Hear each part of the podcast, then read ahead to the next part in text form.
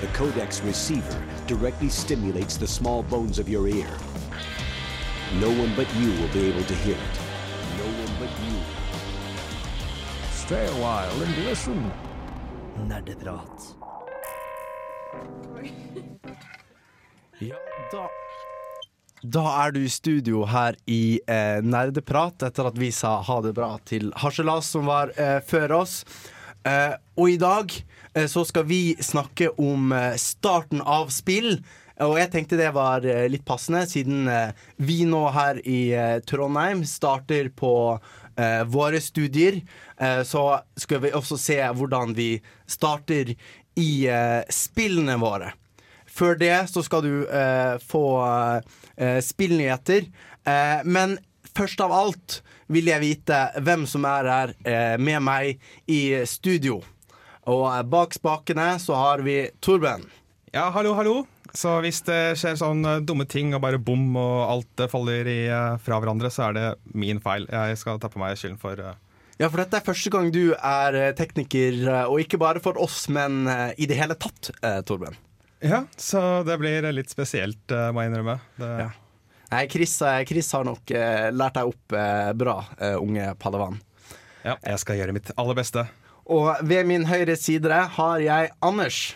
Hei sann! Det er kjempegodt å være tilbake igjen. Syns jeg, da. Jeg vet ikke om dere syns det er så trivelig at jeg er med her lenger. Vi er veldig glad glad. de sender meg litt rare blikk her sånn over bordet, men jeg syns det er hyggelig å være tilbake, i hvert fall. Ja, altså, jeg, jeg later som jeg, jeg er glad for at du er med på lyd, fordi lytterne kan jo ikke se at jeg ser stygt på deg. Ja Sant? Så det er trikset. Det er radio. Det er litt sånn magisk. Det er ikke meningen du skal si det der. Uh, an- Nei, men jeg, jeg prøver å Det er litt sånn making off. Skjønner du? Mm. Eh, ved siden av Anders eh, har vi Åse Maren. Hallo! Det, Og ja. ja, det er veldig godt å ha Anders tilbake, syns jeg. Fordi jeg syns at uh, han representerer den mest behagelige stemmen i Nerdeprat. Tusen takk! Jeg tror det Jens Erik er også veldig fin radiostemme. Han har også ganske mye skjegg. Er det en sammenheng? Anders har ganske mye skjegg, det kan jo ikke du eh, se, men du kan høre det. Kanskje Det er grunnen til at eh, Jens Erik ikke er med oss i dag. Ja, for han har tatt skjegget. Å, fy faen.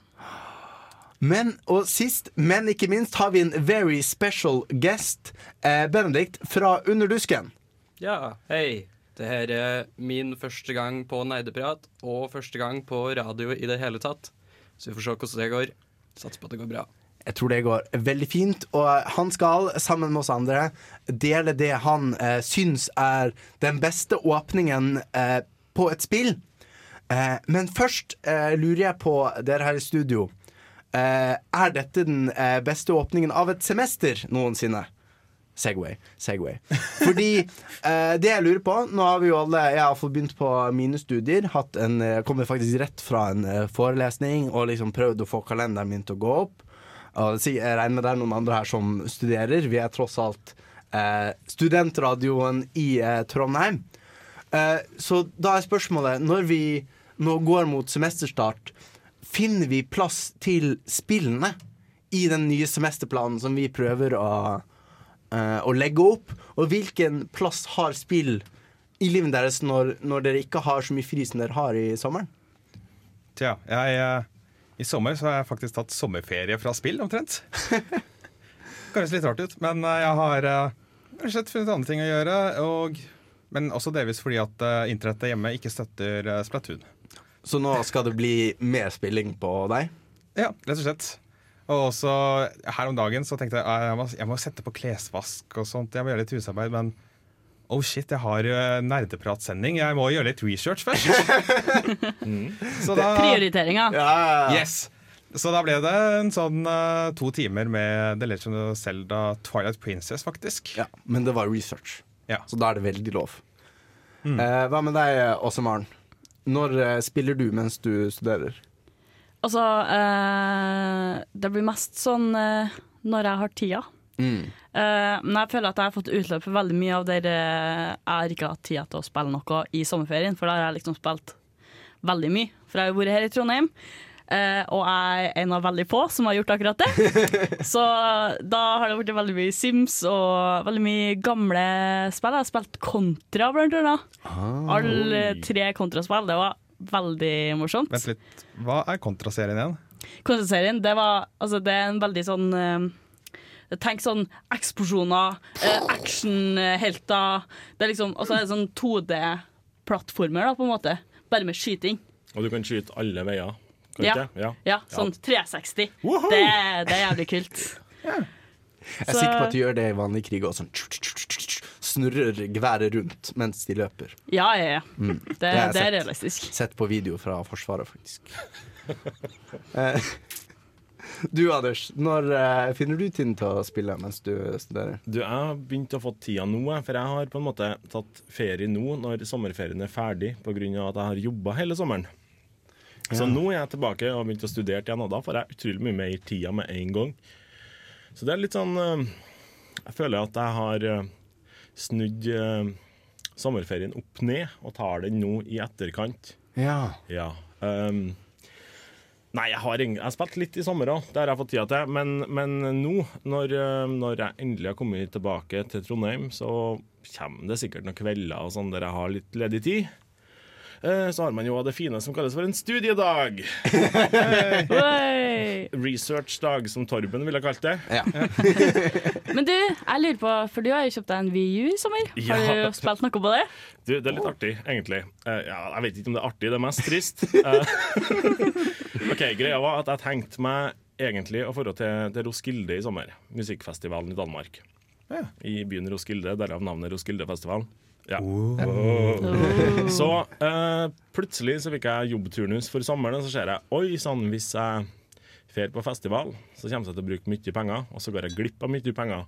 Og mye penger pluss mye penger, det er dobbelt opp av mye penger.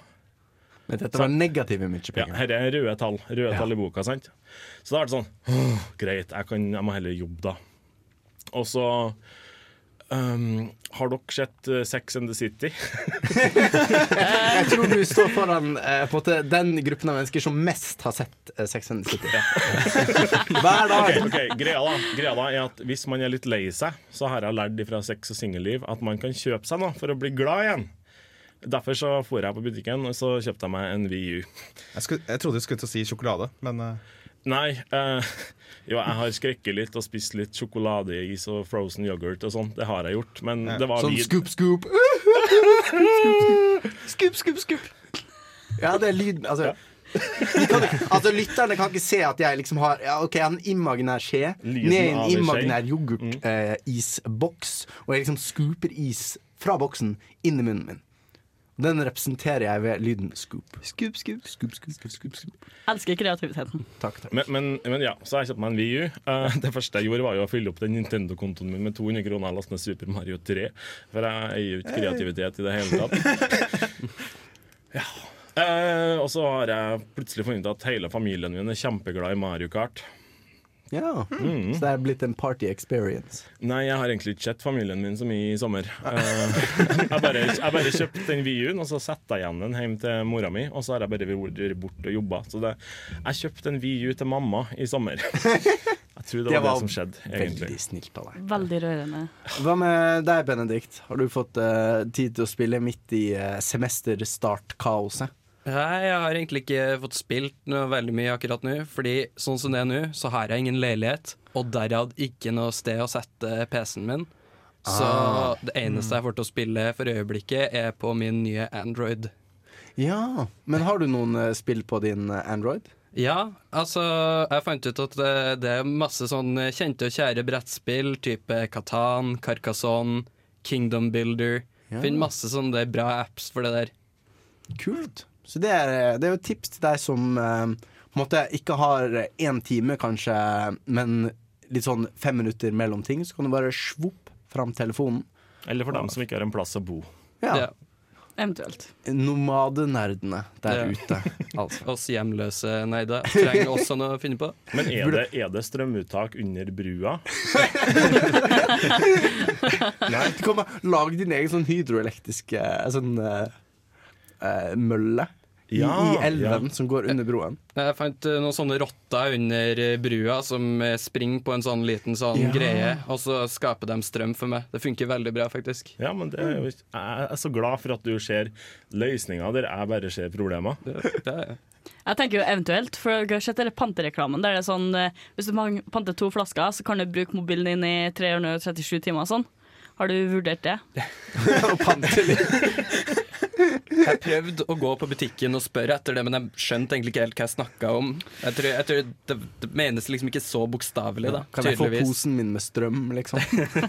Vær så god, strøm. Referansen bare gikk dem rett over hodet. Ja, ja, tydeligvis. Hater når det skjer. Altså, jeg prøver å komme med litt sånn artige ting og si til folk som jobber i butikk, og så bare kikker de rart på meg. Du, du, Det minner er meg om hele barndommen min.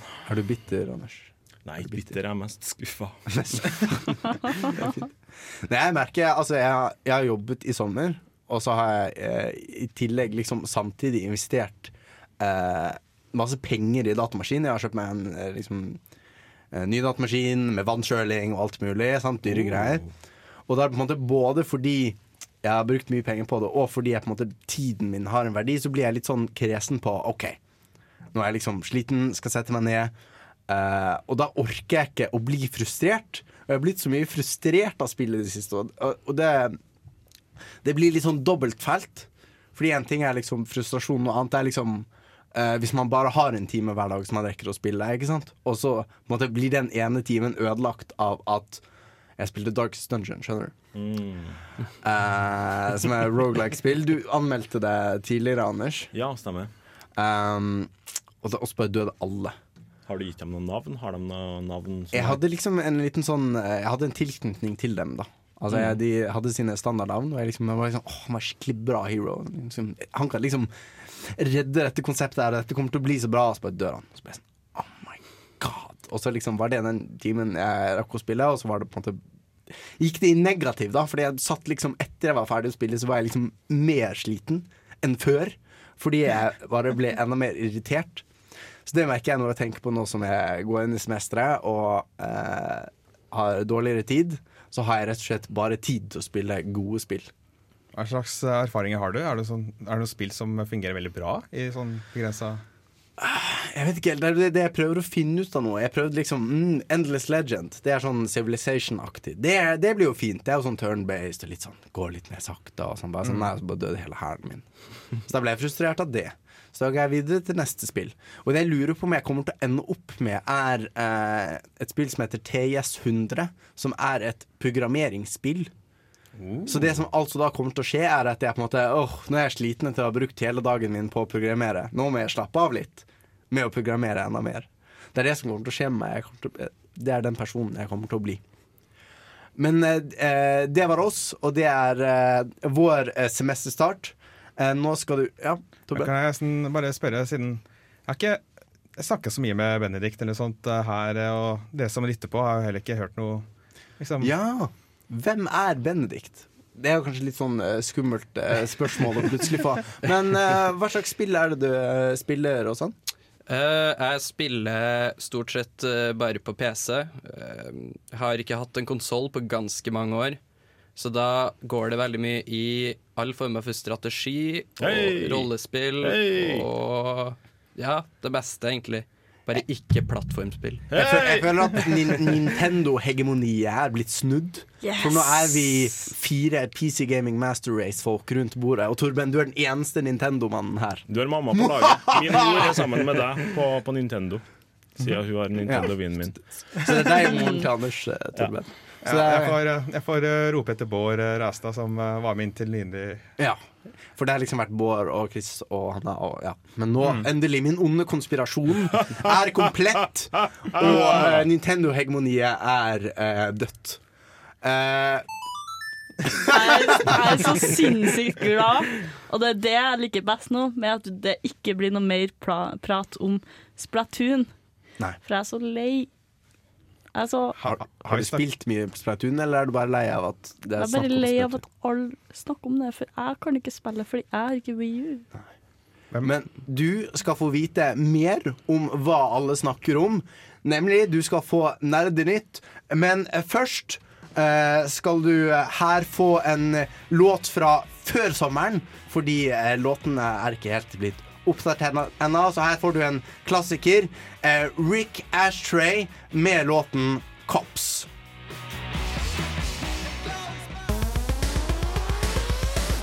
Studerer du i Trondheim? Da kan du bli med i Nerdeprat. Vi ser nemlig etter en ny radioprater. Du trenger ikke ha noen erfaring med radio, tekst eller video, for vi ser etter deg som har stå-på-vilje og interesse for å lære. Som en del av studentmediene får du noe verdifullt å bruke fritida di på, og du blir kjent med mange hyggelige studenter. Gå inn på samfunnet.no slash opptak for å søke på vervet som radioprater, eller et av de mange andre vervene Studentsamfunnet i Trondheim har å by på. Søknadsfristen er førstkommende søndag, altså den 23. august, så send inn søknaden via samfunnet.no slash opptak i dag. Men eh, det var nok Trondheim-snakk for denne gang. Tilbake til episoden. Nerdenytt.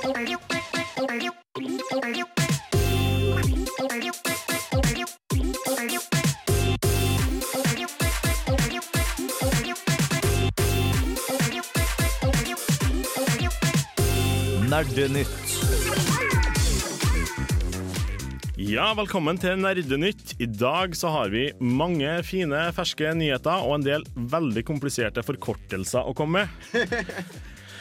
Vi kan bare hoppe rett i det, tenker jeg. Vi starter rett på forkortelse nummer én, som er APA. Og hva står APA for? Du, eh, APA, eh, det står for American Psychological Association. Og de har gitt ut en ny publikasjon nå. Og Det er liksom en oppsummering av forskninga som har gjort på sammenhengen mellom dataspill og vold. Vi alle vet at det blir supervoldelig av dataspill, sant? Ja, for det er vel det de har kommet fram til, at eh, Ja. man blir voldelig av å spille dataspill. Ja, sant? Den følelsen jeg har i kroppen etter å ha spilt dataspill, er ap apa med å, å bekrefte. For de har eh, konkludert med at det faktisk er en sammenheng mellom dataspill og vold. Det her har jo fått eh, Rock Paper Shotgun til å bli litt uh, sinna. Har Men har de blitt voldelige? De mener i hvert fall at APA, altså RPS, mener at APA tar feil. De har gjort samme feil som de gjorde en gang tidligere, i 2013, mener jeg at det var. Og, og den gangen så var det vel en haug, en stor haug med psykologer som skrev under og sa at dere tar feil, APA. Og da, altså foreningen og ikke en ape. Ja, ja. men jeg, jeg kommer til å snakke i forkortelser sånn. OK? Men. Jeg, håper å si ikke for å avbryte, men for å avbryte. Hva står, står egentlig OK for? Det er det ingen som vet. OK. Det jeg tror det, det høres riktig ut. Ja, fortsett. Nei, men altså, Det er det, galt med det, det, er jo, det er jo det um, hele nyhetssaken er. Det sitter en haug med folk og sier at vi blir voldelige av å spille dataspill, og så sier Rock Paper Shotgun dere tar feil, sånn som dere tok feil sist. Yeah. Og da tenkte jeg, kan vi ikke bare diskutere det her litt? Og Åse, for eksempel, blir du voldelig av å spille dataspill? Altså, jeg engasjerte meg veldig i ganske mye. eller, spørs hvor mye engasjement det ligger i en Facebook-debatt. Men jeg husker jeg krangla veldig mye på internettet, og særlig Facebook, rundt den tida der det var veldig mye opprør rundt eh, GTA 5.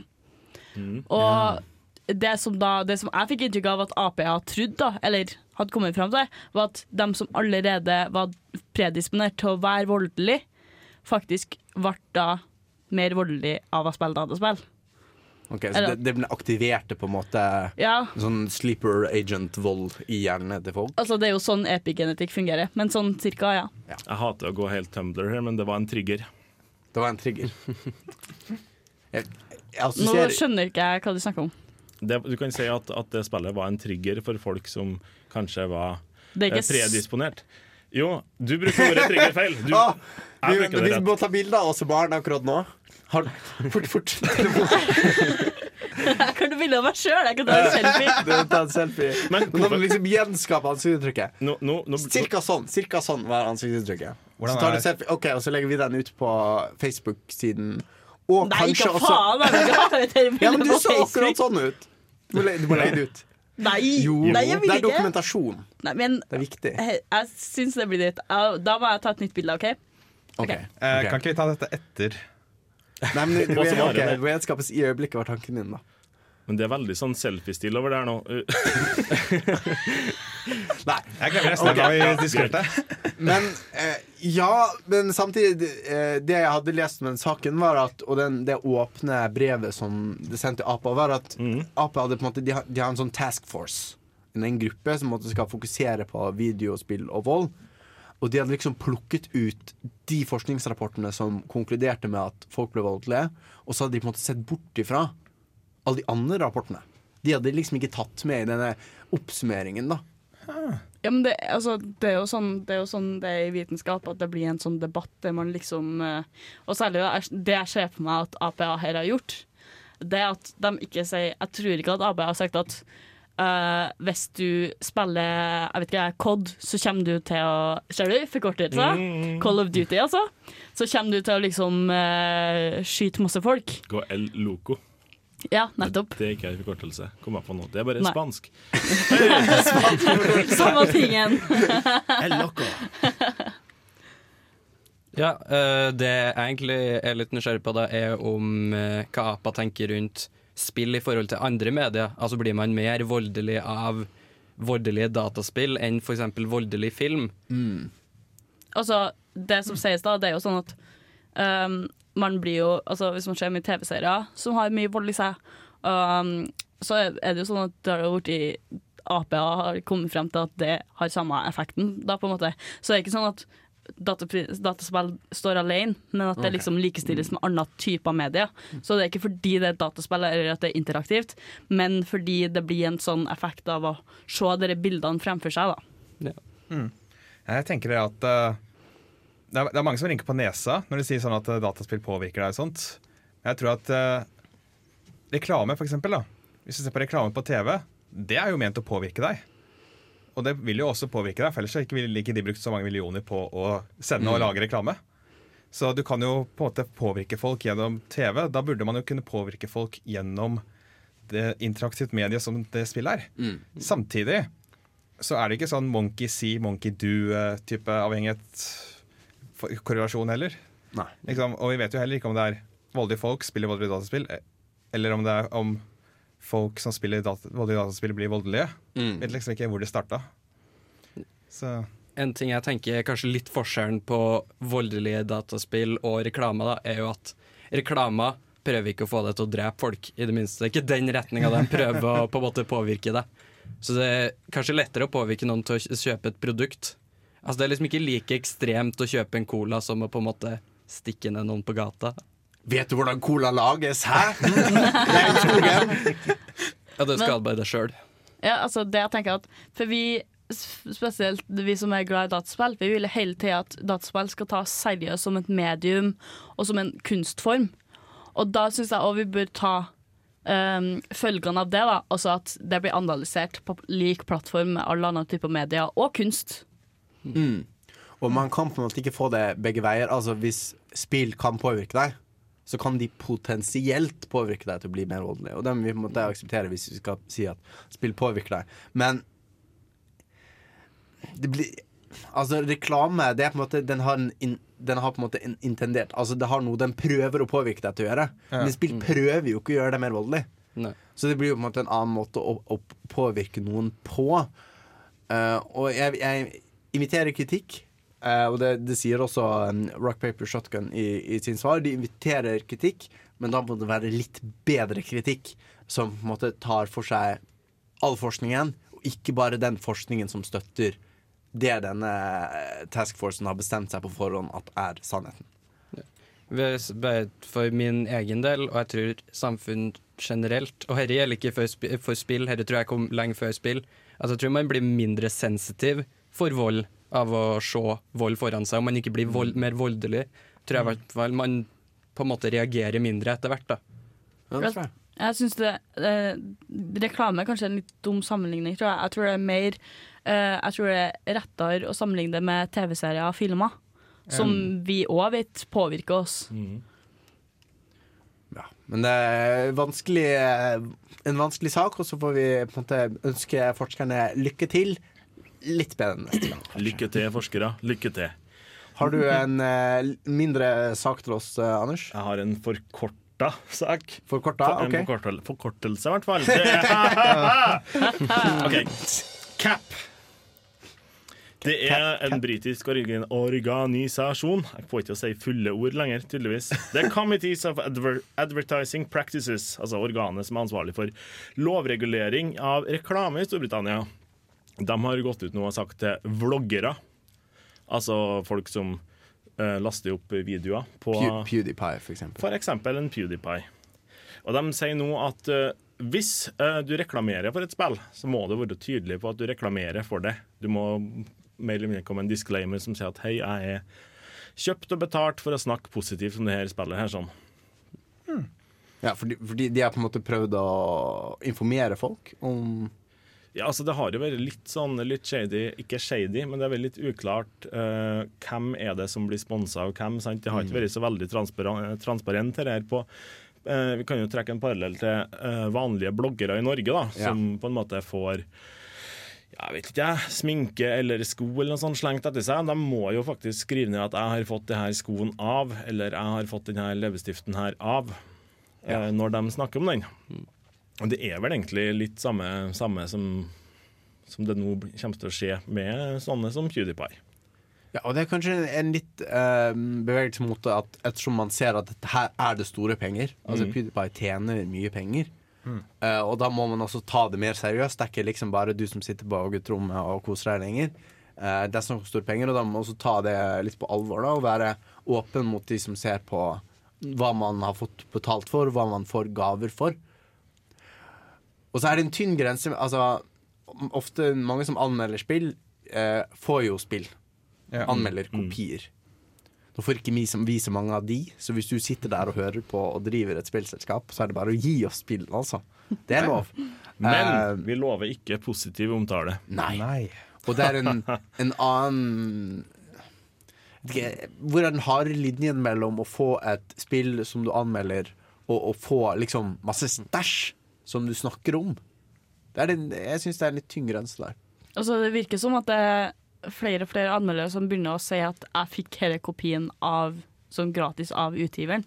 Og det er jo ganske fair. Ja, Det er faktisk bildet jeg skrevet på de anmeldelsene jeg har eh, skrevet for dusken.no. Der du kan finne flere anmeldelser som vi har laget, bl.a. blant annet Splatoon. Intet, og uh, Joho. Moon og Chris anmeldte vel også uh, Full World Ja. i sommer. Mm. Og, og det er eh, anmelderkopier som vi har fått tilsendt. Ja, av Nintendo. Men jeg lurer på en ting, da. Uh, du, hvor går grensa mellom å være en vlogger og å være en streamer? Det, uh, ok, det var ikke på Ja, det, det var da. det- men kommentar ta- på det forrige. på det forrige så tror jeg at uh, når man snakker om på en måte tradisjonell spilljournalistikk, så finnes det mye mer regler allerede som regulerer presseoppførsel. Så det er på en måte en litt sånn gammel greie som har masse regler. Men selv med vloggere er liksom ganske nytt. da, altså Man er jo ikke åpenbart pressefolk eller dekt av presseetiske regler. Så da er det litt sånn vanskelig. altså Du driver med entertainment. Ja. Men det er, det er grensetilfelle. Mm. Og det er også et grensetilfelle. eh, Hva er eh, vloggere, og hva er streamere? Segway. Så hva Ja, altså, jeg, vi, vi snakket litt om dette før, før vi gikk på sending. Og jeg formulerte noe sånn som at måte, jeg kan bli en, en streamer på to sekunder. Jeg må liksom bare på stream-knappen. sant? Da er jeg en streamer. Men jeg er ikke en vlogger. Jeg må liksom utlevere meg selv på en litt mer måte hvis jeg skal vlogge. Som kommer fra videoblogging, og blogging kommer fra weblogging. Så det er, det er flere lag av forkortelser inni hverandre. Forkortelsesception. ja, det, dette er rett og slett forkortelsesepisoden. Uh, Det er men- så fint. Ja. Men jeg, jeg, jeg, tror, jeg tror bare det er eh, kanskje et mer eh, anerkjent begrep å kalle det vlogger. Dette er jo den seriøse Men, men spørs, committee eh, Altså det er jo gode gamle Cap som kommer med denne uttalelsen. Og da vil de kanskje heller bruke et ord som vlogger eller streamer. men spørsmålet jeg skulle over på, da tenkte Jeg prøvde bare å le diskusjonen Oi. over mot den Gjelder det her reglene for uh, folk som sitter og streamer på Twitch òg, da, tror dere? Eller gjelder det kun for dem som legger ut det på, på YouTube? Det burde, jo- lignende? burde gjelde for alle. Kan ikke se noen forskjell mellom å streame eller å ta videologging. Ja, ja, det tenker jeg er det samme, men det er veldig mange streamere som ikke får en dritt, på en måte. Sant? Som Ja. bare sitter og spiller spillet sitt, og så sender de på en måte spillet. De Altså- får jo positiv tilbakemelding og stygge Twitch-smileys i chatten. Og for oss er det nok. Men på en måte hovedmotivasjonen for å ha regler og all denne presseetikken og sånt, er jo nettopp det at du skal kunne stole på den informasjonen du får.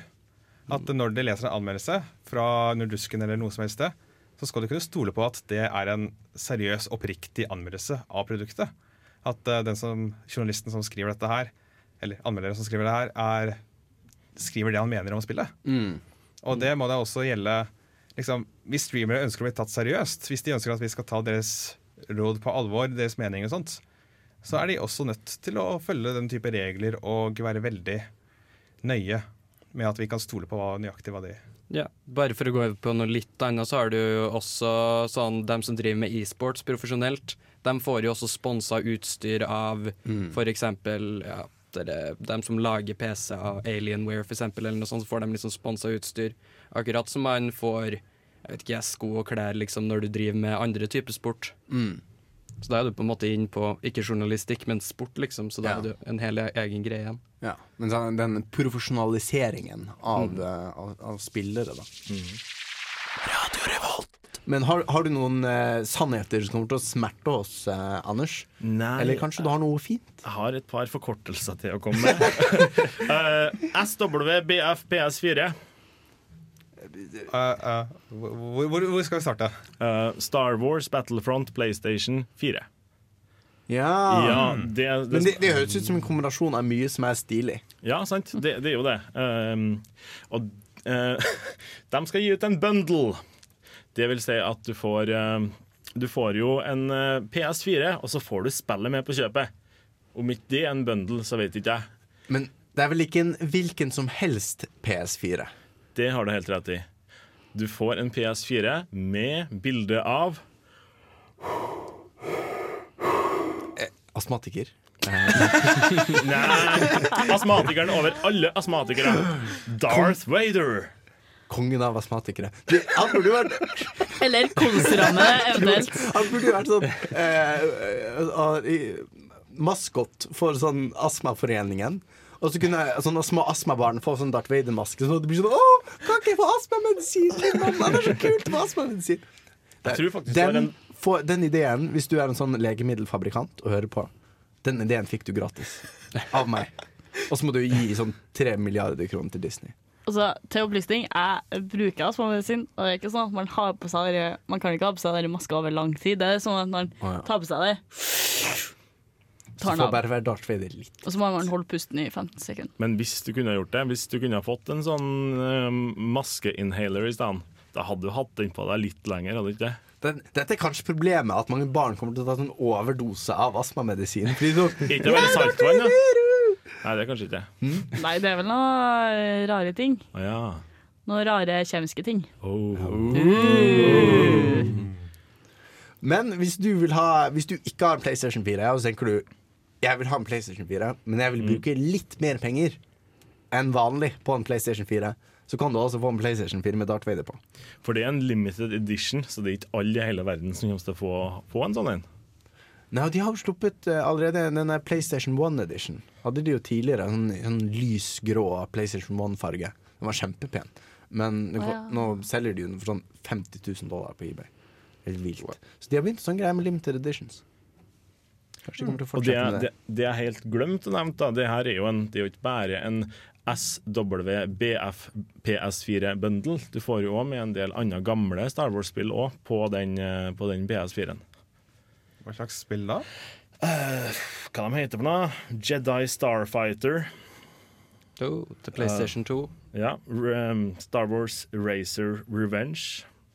Jeg husker Star Wars Racer Jeg vet ikke om Re Revenge er en sånn en konsollmetode, men vi eh, men vi hadde Star Wars Racer på eh, PC. Og det var dritfett. Du som bygget egne pods og kjørte dem. Og sånn. det, var, det var kjempegøy. Men, men det, det spillet her det er jeg litt nysgjerrig på. Super Star Wars. Kan det ha vært i Super Nintendo? Jeg skal ikke si det samme. Jeg, tror, jeg lurer på om det er liksom den eh, Star Wars som var, kom til Super Nintendo back in the day. Ja. Og sist, men ikke minst, så får du òg med Star Wars Bounty Hunter. Hvor du kan spille som Boba Fett. Ja, og det Og er det, fett. og det er kanskje det eneste spillet hvor du kan spille som Boba Fett etter at de cancelet Star Wars 1314. Var det det det het? Jeg vet ikke. Det var en sånn Uncharted-aktig Star Wars-spill som var i produksjon, så ble det cancela. Det er trist. Det er litt trist. Har du, har du en, eh, en uh, liten uh, godbit til? Ja, når det viser seg at uh, Super Star Wars tydeligvis er et Super Nintendo-spill som kommer til PS4, det er jo ikke det eneste spillet som blir porta nå. Uh, ja. For en, for en Segway. Jeg bare må Takk. kommentere på det hver gang. Da da ødelegger jeg alt. Jeg ødelegger Segwayen ved å kommentere på det. Men Er det noen må. som husker spillet uh, Zombie U? Akkurat det eneste spillet som jeg fikk meg til å ha lyst til å kjøpe en Wii U. Ja, sikkert det spillet. Men nå trenger du kanskje ikke kjøpe en Wii U. Nei, for den blir porta til PC nå. Og så ser veldig bra ut. Ja. For det, for det inntrykket jeg fikk av Zombie når det kom ut, var at det hadde en veldig sånn gammel survival horror-stil, en sånn vibb, som liksom mangla fra mange av nyene. Mm. Så det er liksom sånn rent, det er veldig Man har veldig høy puls, men det er liksom godt gameplay. Men så var det liksom På en Wii U så var det jo litt Litt begrensa. Men, men det, du kunne jo brukt den gamepaden til å se rundt i rommet og sånn med lommelykt og sånn. Var ikke det ikke det, det zombiespillet jeg tenker på? Jo, det er jeg Jo. tror nok det. Ja. Og så er det sånn at det, mens du luter ting, så må du liksom gå liksom tida bak deg. Ah, ok. Så, så, men, men fungerer, hvordan fungerer det når det blir porta til PC, ser du for deg? Nei, altså, nå, nå er det sånn at du bare trykker på en knapp. Vi kaster bort alle teite Var det en, var det en gimmick? Var det en teit gimmick? Syns du det fungerte bra? Nei, vet du hva, jeg elsker gimmicker. Jeg syns, så, jeg syns sånn er så artig. Og eh, det at Nintendo våger å liksom gå hele veien med sånne gimmicks, det er det jeg elsker med Nintendo. For de er eneste som gjør det. Og de kan gjøre gimmicks uten at det er teit, og det er helt Ah, unikt. du har Kinect, og så har du PlayStation Move. Ja, men det var, jo, det var jo noe som ikke fungerte, sant? Ja, det var fortsatt en gimmick. Det var en dårlig gimmick. Ja, det var en dårlig gimmick, men Nintendo har ikke dårlige gimmicker. Det er gode gimmicks. Men Ja. er, slutter ikke det å være en gimmick? Jeg føler liksom Det blir en Gimmick er eh, negativt ladet. Det er liksom en feature, hvis det er bra. Kanskje. Dette må være en, eh, en epistemologisk samtale for en annen gang. Det er hakket kulere enn 3D, og alle snakker norsk, i hvert fall. Det skal være helt sagt.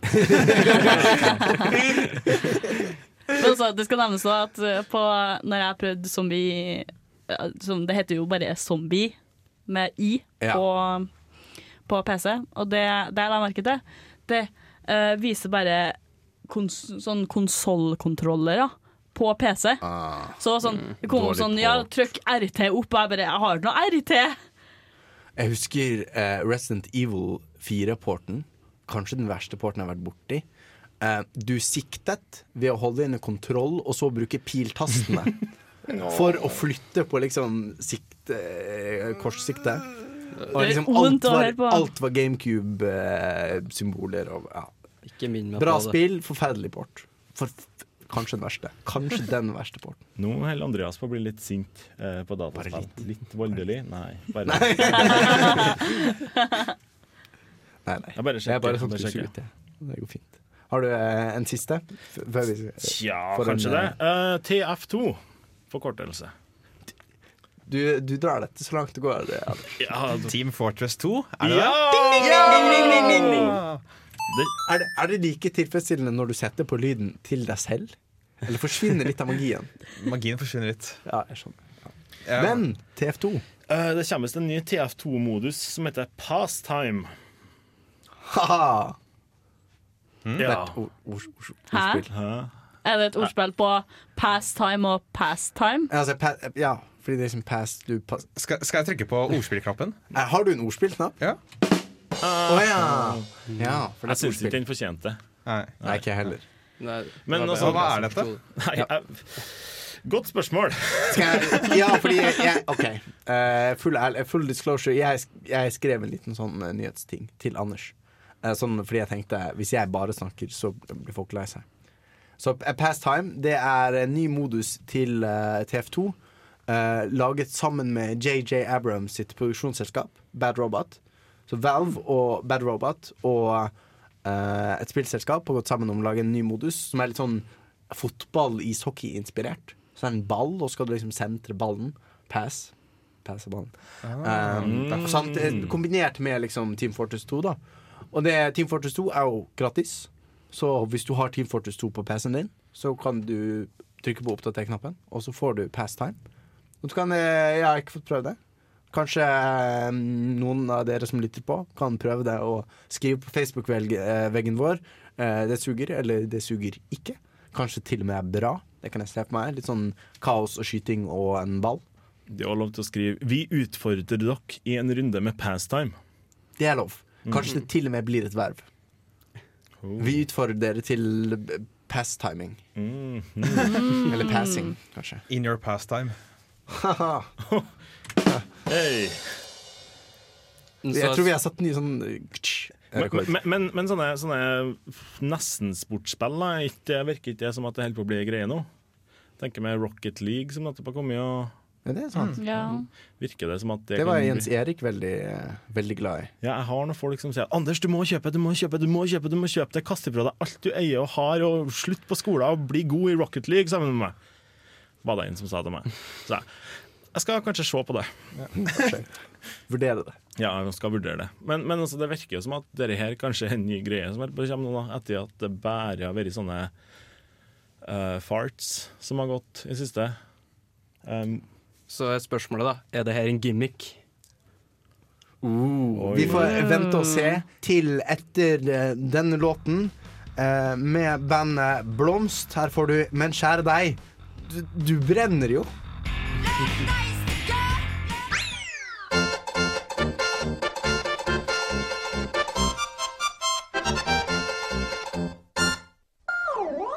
ja, kjære lytter, nå har vi passert en eh, kanskje usynlig, eh, men magisk grense inn i temaland.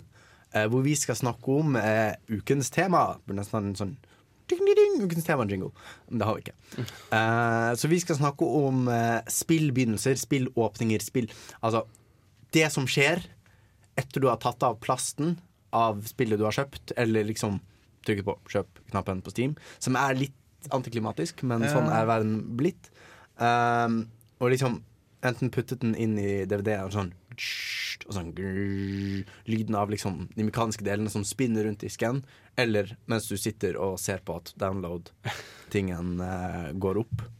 Eh, jeg har jo fibernettlinje, så det tar ikke så veldig lang tid. Yes. Fuck deg. Eh, ja, ja. Snikskryt. Snikskryt av Men det er jo ikke, jeg er jo ikke min egen fibernettlinje. Altså, er det skryt? Er du ikke det? I vår moderne verden er man kanskje sin fibernettlinje. Det er liksom en del av meg. Det er det ehm, eh, Nei, ikke Nietzsche, men Freud kalte protesen godt. Eh, men eh, det skal ikke handle om Freud i dag. Eh, men det handler kanskje alltid om Freud. Jeg snakker meg helt, jeg sn jeg snakker meg helt bort. Jo I, i- ikke fortreng Freud. vi, Nå må vi faktisk fortrenge Freud. Ja. For vi skal snakke om eh, begynnelsen på spill. Eh, og det er jo så mange måter å gjøre det på, og vi skal høre en del eksempler på det. Men først vil jeg snakke om det litt eh, generelt. Hvilken følelse er det dere ser etter med en gang dere starter et spill? Og hva er det som liksom fanger dere med et godt spill idet det starter? Oi. Det må nesten være noe sånn uh, magisk ved det, føler jeg. Ja. Liksom jeg, Vanligvis, så da jeg var liten, kjøpte vi Har spart penger i lang tid. Spar, kjøpte ikke på lekebutikken eller på Space World, eller på uh, Hva heter den siste? GameStop. Kjøpte spillet. Ja. Og så skulle, måtte jeg være med foreldrene mine på resten av kjøpesenteret. Og så Ja, og så brenner den spillposen på en måte i bagen. Og bare, «Åh, Ja. gikk til og med så langt da, at jeg, jeg har lest de aller fleste instruksjonsbøkene som Ja. følger med spillene. Så Og, og den lukten når de er helt nye. Åh, sånn plastlukt. Det er veldig fint. Er det bare jeg som kjøpte eh, spillene mine på lekebutikken da jeg var lita? Hvor kjøpte jeg spillene mine? Er det bare Jeg som syns at det virker som at de har en litt sånn erotisk greie gående som jeg ikke er en del av? Eh, ja. Ja, den skjer Nei, du er ikke en del av den. Men Men du kan. altså, min, erot, altså, min ekvivalent til det er vel dere Gameboy uh, Advance-lyden. Den, Ja. Det er litt sånn eh, Det er Og, noe og konsoller. introen, og dere regnintroen, der det liksom kommer sånn denne Game Freak-logoen og sånn, Ja, på tredje Pokémon. generasjons Pokémon. Det er det fineste. Og kon mange konsoller har sånn fin oppstartslyd. Kanskje Ja. spesielt sånn uh, PlayStation 1 og 2, men altså PlayStation 3 har en sånn fin sånn strykerlyd. PC har liksom aldri klart Det har de på en måte ikke klart Windows-lyden er ikke så sexy. Den sånn- pianorollen de hadde gående i Windows 95 og 98, syns jeg var ganske fin. Ja. Mm. For- for Og Windows Windows ME. Det hadde Vi jeg. snakker ikke om det. Kanskje Windows ME var helt fælt, men jeg hadde det. Jeg var glad i det. Mm, Men du må, du må gripe deg med, med noe magisk. Det er noe man ofte kaller eh, innenfor på en måte, rollespill sånn den magiske sirkelen. Så skal jeg kanskje hatt på en måte forberedt en, en farlig definisjon, men det er på en måte når du trer ut av det vanlige og inn i liksom illusjonen, da. Da går du inn i den magiske sirkelen. Og Det er jo litt det en, en god spillåpning skal gjøre.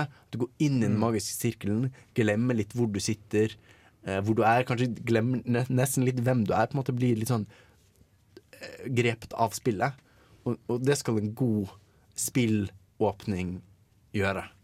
Ja. Eh, og med det, med, med det i tankene eh, så tenker jeg at vi kan begynne på håper jeg, kveldens eh, første deltaker, eller hva vi skal eh, kalle det.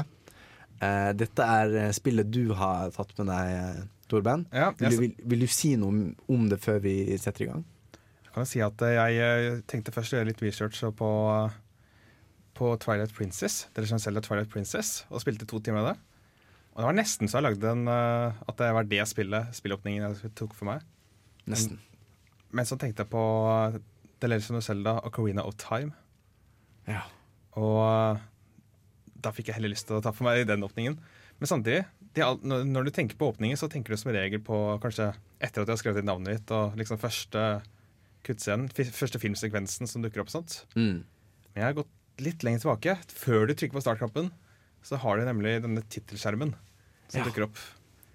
Og uh, tittelskjermen til uh, The Legend of Zelda Ocarina of Time har jeg tenkt å si noe om. Her skal du få høre et lite lydklipp ifra det. Forestill deg at du skrur på dette spillet for første gang. Nintendo 64-logoen lyser opp på skjermen, og du tenker Hvordan er egentlig dette nye Zelda-spillet? musikken starter, en måne går ned i horisonten, og himmelen skifter farge. Hæ? Så tiden går i dette spillet? Inn i bildet kommer Link ridende på Epona, og Oh my god! Jeg kan ri på en hest! bildet kutter, kameraet skifter til å være i fart, og logoen til The Legend of Zelda Ocarina of Time fader inn. Åh, nå gleder jeg meg til å spille. Vi ser Link igjen, vi når toppen av bakken og får nyte utsikten. Fytti grisen, se på den svære byen! Det begynner å bli dag, og vi får se flere av landemerkene i dette åpne landskapet. Herregud! Hvor stort er dette spillet? Jeg trykker på startknappen, jeg. Denne tittelskjermen gir god opplæring i hva som er nytt med det Legend of Zelda Ocarina of Time. Det vil si hva som var nytt da det kom ut i 1998. Men tittelskjermen gjør mer enn som så. Den vekker appetitten og nysgjerrigheten. Den er nostalgisk, og den er vakker. Spesielt takket være den fantastiske musikken. Hvis jeg får gått ut der, der, ja. Den gir meg rett og slett veldig lyst til å spille spillet. Og derfor synes jeg dette er en god begynnelse på et spill. Bare hør på den musikken.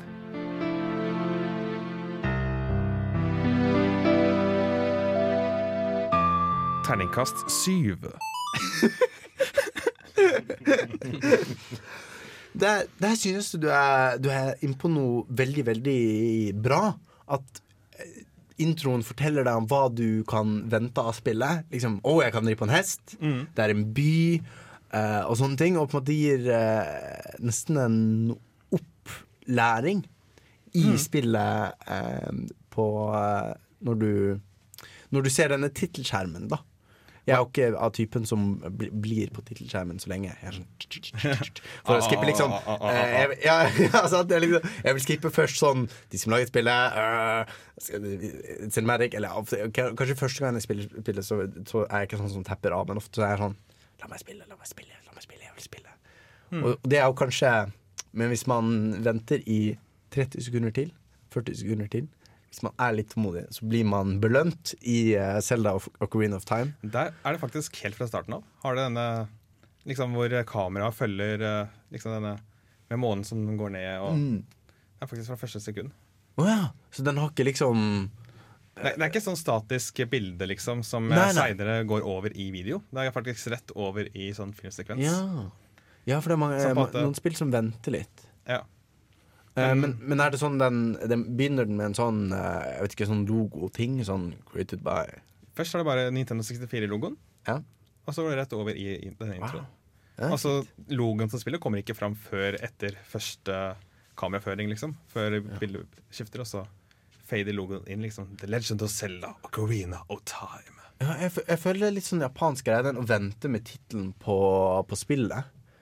Uh, jeg, jeg kom til å tenke på Jeg er litt fan av Soul Calibur, fordi det er litt sånn Soul Calibur er litt kitsch. Uh, og det er litt sånn uh, Du har denne introsekvensen hvor alle slåss, og så kommer på slutten av liksom så kommer navnet på spillet, og så er det en mann som sier Soul Calibur 4! Så jeg, men det er ingen som sier Zelda og Koreans Time. Nei. Nei.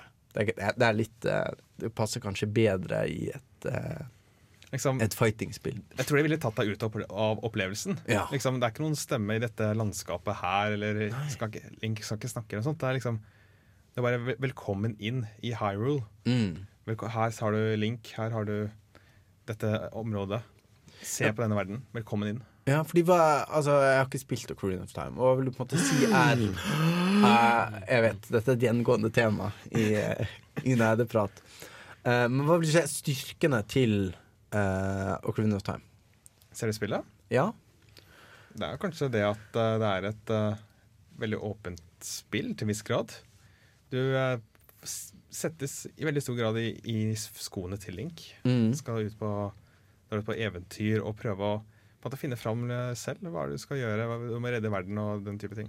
Og, og føler du at måte, den introen viser det? Altså den viser den styrken av, eh, av spillet?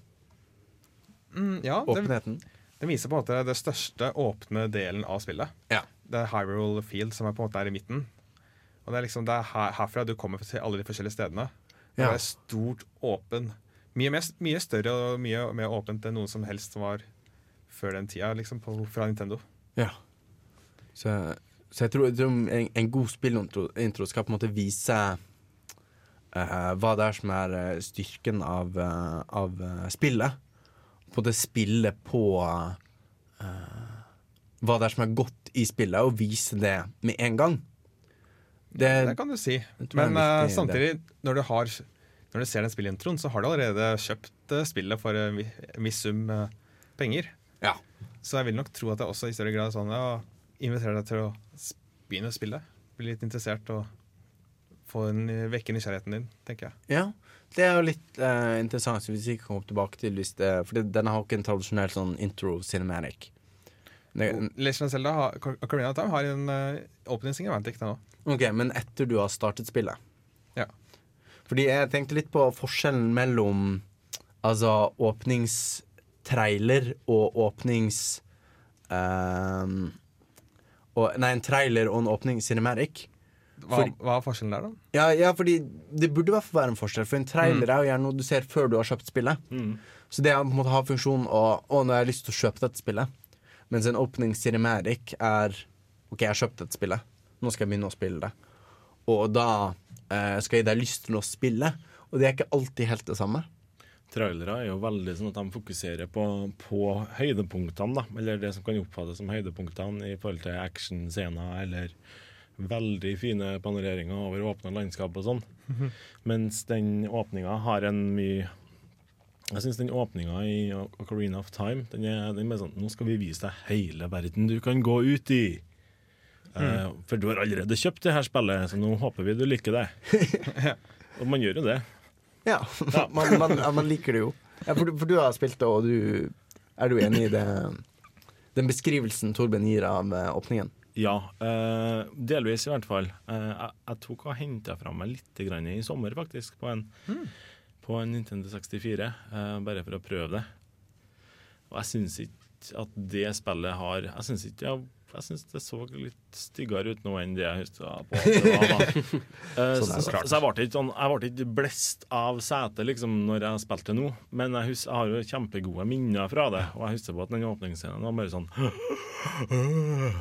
Ja, det er kanskje vans altså, det er en vanskelig oppgave dette å, å snakke om åpning av spillene, fordi ofte er det jo spill vi virkelig liker, og som vi spilte for kanskje en stund siden. Og det er, det er vanskelig å huske tilbake nøyaktig den følelsen man hadde første gangen man, man spilte det. For det er jo den følelsen vi måte, vil tilbake til. Men den følelsen med hesten der, eller som du hadde i Som du hadde i det stykket, det, eller det lydklippet du spilte, Torben det, Jeg kjenner meg igjen veldig i det. Da. Det, sånn, wow, det er en hest! Jeg sa ikke det på bergenser, men, men sånn utover det så hadde jeg akkurat samme reaksjon.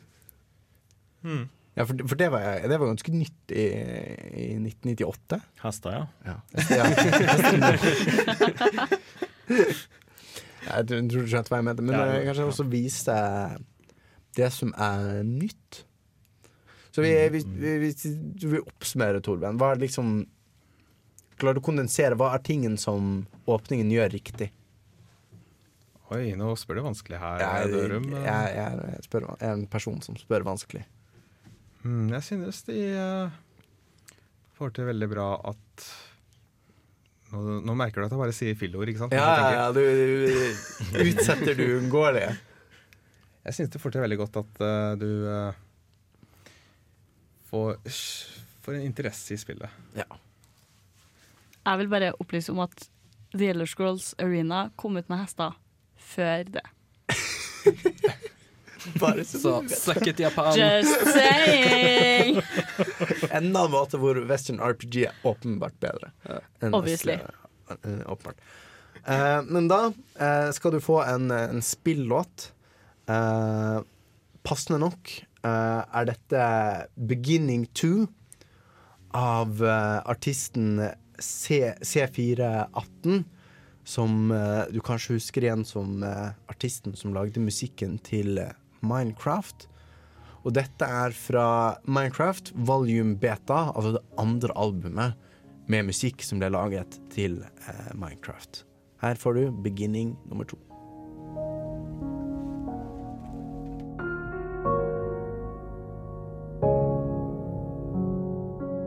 Dab, dab, dab, dab, dab, dab. Dab, dab, dab, dab, dab, dab. Dab, dab, dab, dab, dab, dab. Nerde prater på DAB-radio. Ja, og da er det min tur til å snakke om eh, et spill. Eh, og det jeg har valgt, er eh, klassikeren eh, Fallout. Eh, og den begynner Jeg har tatt med på en måte en intro-cinematicen. Ganske sånn kjent. Begynner med altså liksom, Å, dette spillet er laget av Interplay, og så videre og liksom den eh, fanfaremusikken, og så går stemningen eh, litt ned. Og du hører sånn knitring. Fra en gammel radio. Du ser gamle bilder fra en gammel TV-skjerm. Så kommer den musikken. Sånn 20-talls Jeg tror jeg er fra 20-tall. Jeg har ikke så god oversikt. The Inkspots. Inkspots, faktisk. Har vi, har vi en, eh, 50-tallet. Er det 50? Jeg tror det. Ja, det er 40-50. Og så ser du bilder fra uh, Fallout-verdenen som på en måte kan, kan ligne litt på vår egen, men det er en, du ser bilder av sånne svære menn i noen rare metalldrakter. Og så går kameraet sakte bakover. Og du ser at dette bildet du har sett, er på en måte på en faktisk TV. Denne TV-en står i en, eh, et ødelagt hus. I en ødelagt by. Og på en måte gradvis går tilbake, og ser hele denne eh, ødelagte verden. Og liksom denne musikken og, og alt bare setter denne stemningen til dette spillet. Eh, og, du, og du får sånne smakebiter på en verden, og du blir litt sånn usikker på hva er det, hvor, hvorfor er det blitt sånn. Hva er denne, jeg ser en sånn, du ser en sånn robot. Og liksom, er roboter, hva slags verden er dette? For den er, den er litt som vår egen. Det er TV der, det er bygninger der, men den er fortsatt sånn fremmed, og du blir på en måte bare mer og mer usikker. Og så kommer en stemme og forklarer litt hva som har skjedd. War. War never changes. The Romans waged war to gather slaves and wealth. Spain built an empire from its lust for gold and territory. Hitler shaped a battered Germany into an economic superpower. But war never changes. In the 21st century, war was still waged over the resources that could be acquired. Only this time, the spoils of war were also its weapons petroleum and uranium. For these resources, China would invade Alaska, the US would annex Canada, and the European Commonwealth would dissolve into quarreling, bickering nation states bent on controlling the last remaining resources on Earth. Og det, og det blir litt sånn eh, exposition. Altså det blir veldig sånn Dette er det som har skjedd. Det er litt sånn, nesten sånn Star Wars-teksten som ruller. Men det er på en måte Det er den, det er den stemmen. eh, og det er eh, de bildene eh, som på en måte gjør at jeg, jeg tilgir dem så uh, grundig at de på en måte At det er sånn prate Prate-intro. Altså Man snakker jo om sånn show don't tell. Dette er veldig tell. Du, du teller veldig. Men uh, den setter på en måte stemningen til når uh, du får vite hvem du er. Og du får oppdraget ditt.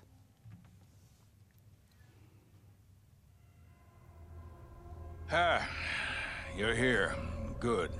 We've got a problem. A big one. The controller chip for our water purification system has given up the ghost. Can't make another one, and the process is too complicated for a workaround system. Simply put, we're running out of drinking water. No water, no vault. This is crucial to our survival. And frankly, I, think you're the only hope we have.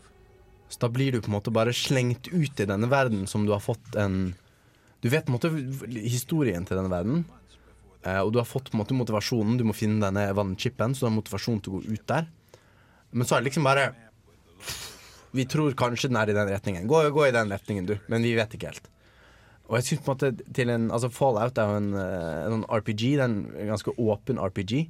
Og det er på en måte den perfekte blandingen av at denne åpningen gir deg eh, gir deg, forteller deg om settingen, og settingen er absolutt en av styrkene til Fallout. Eh, og den gir deg også en motivasjonen som du, du har for å liksom ut. Ut og utforske. Ut og gjøre ting.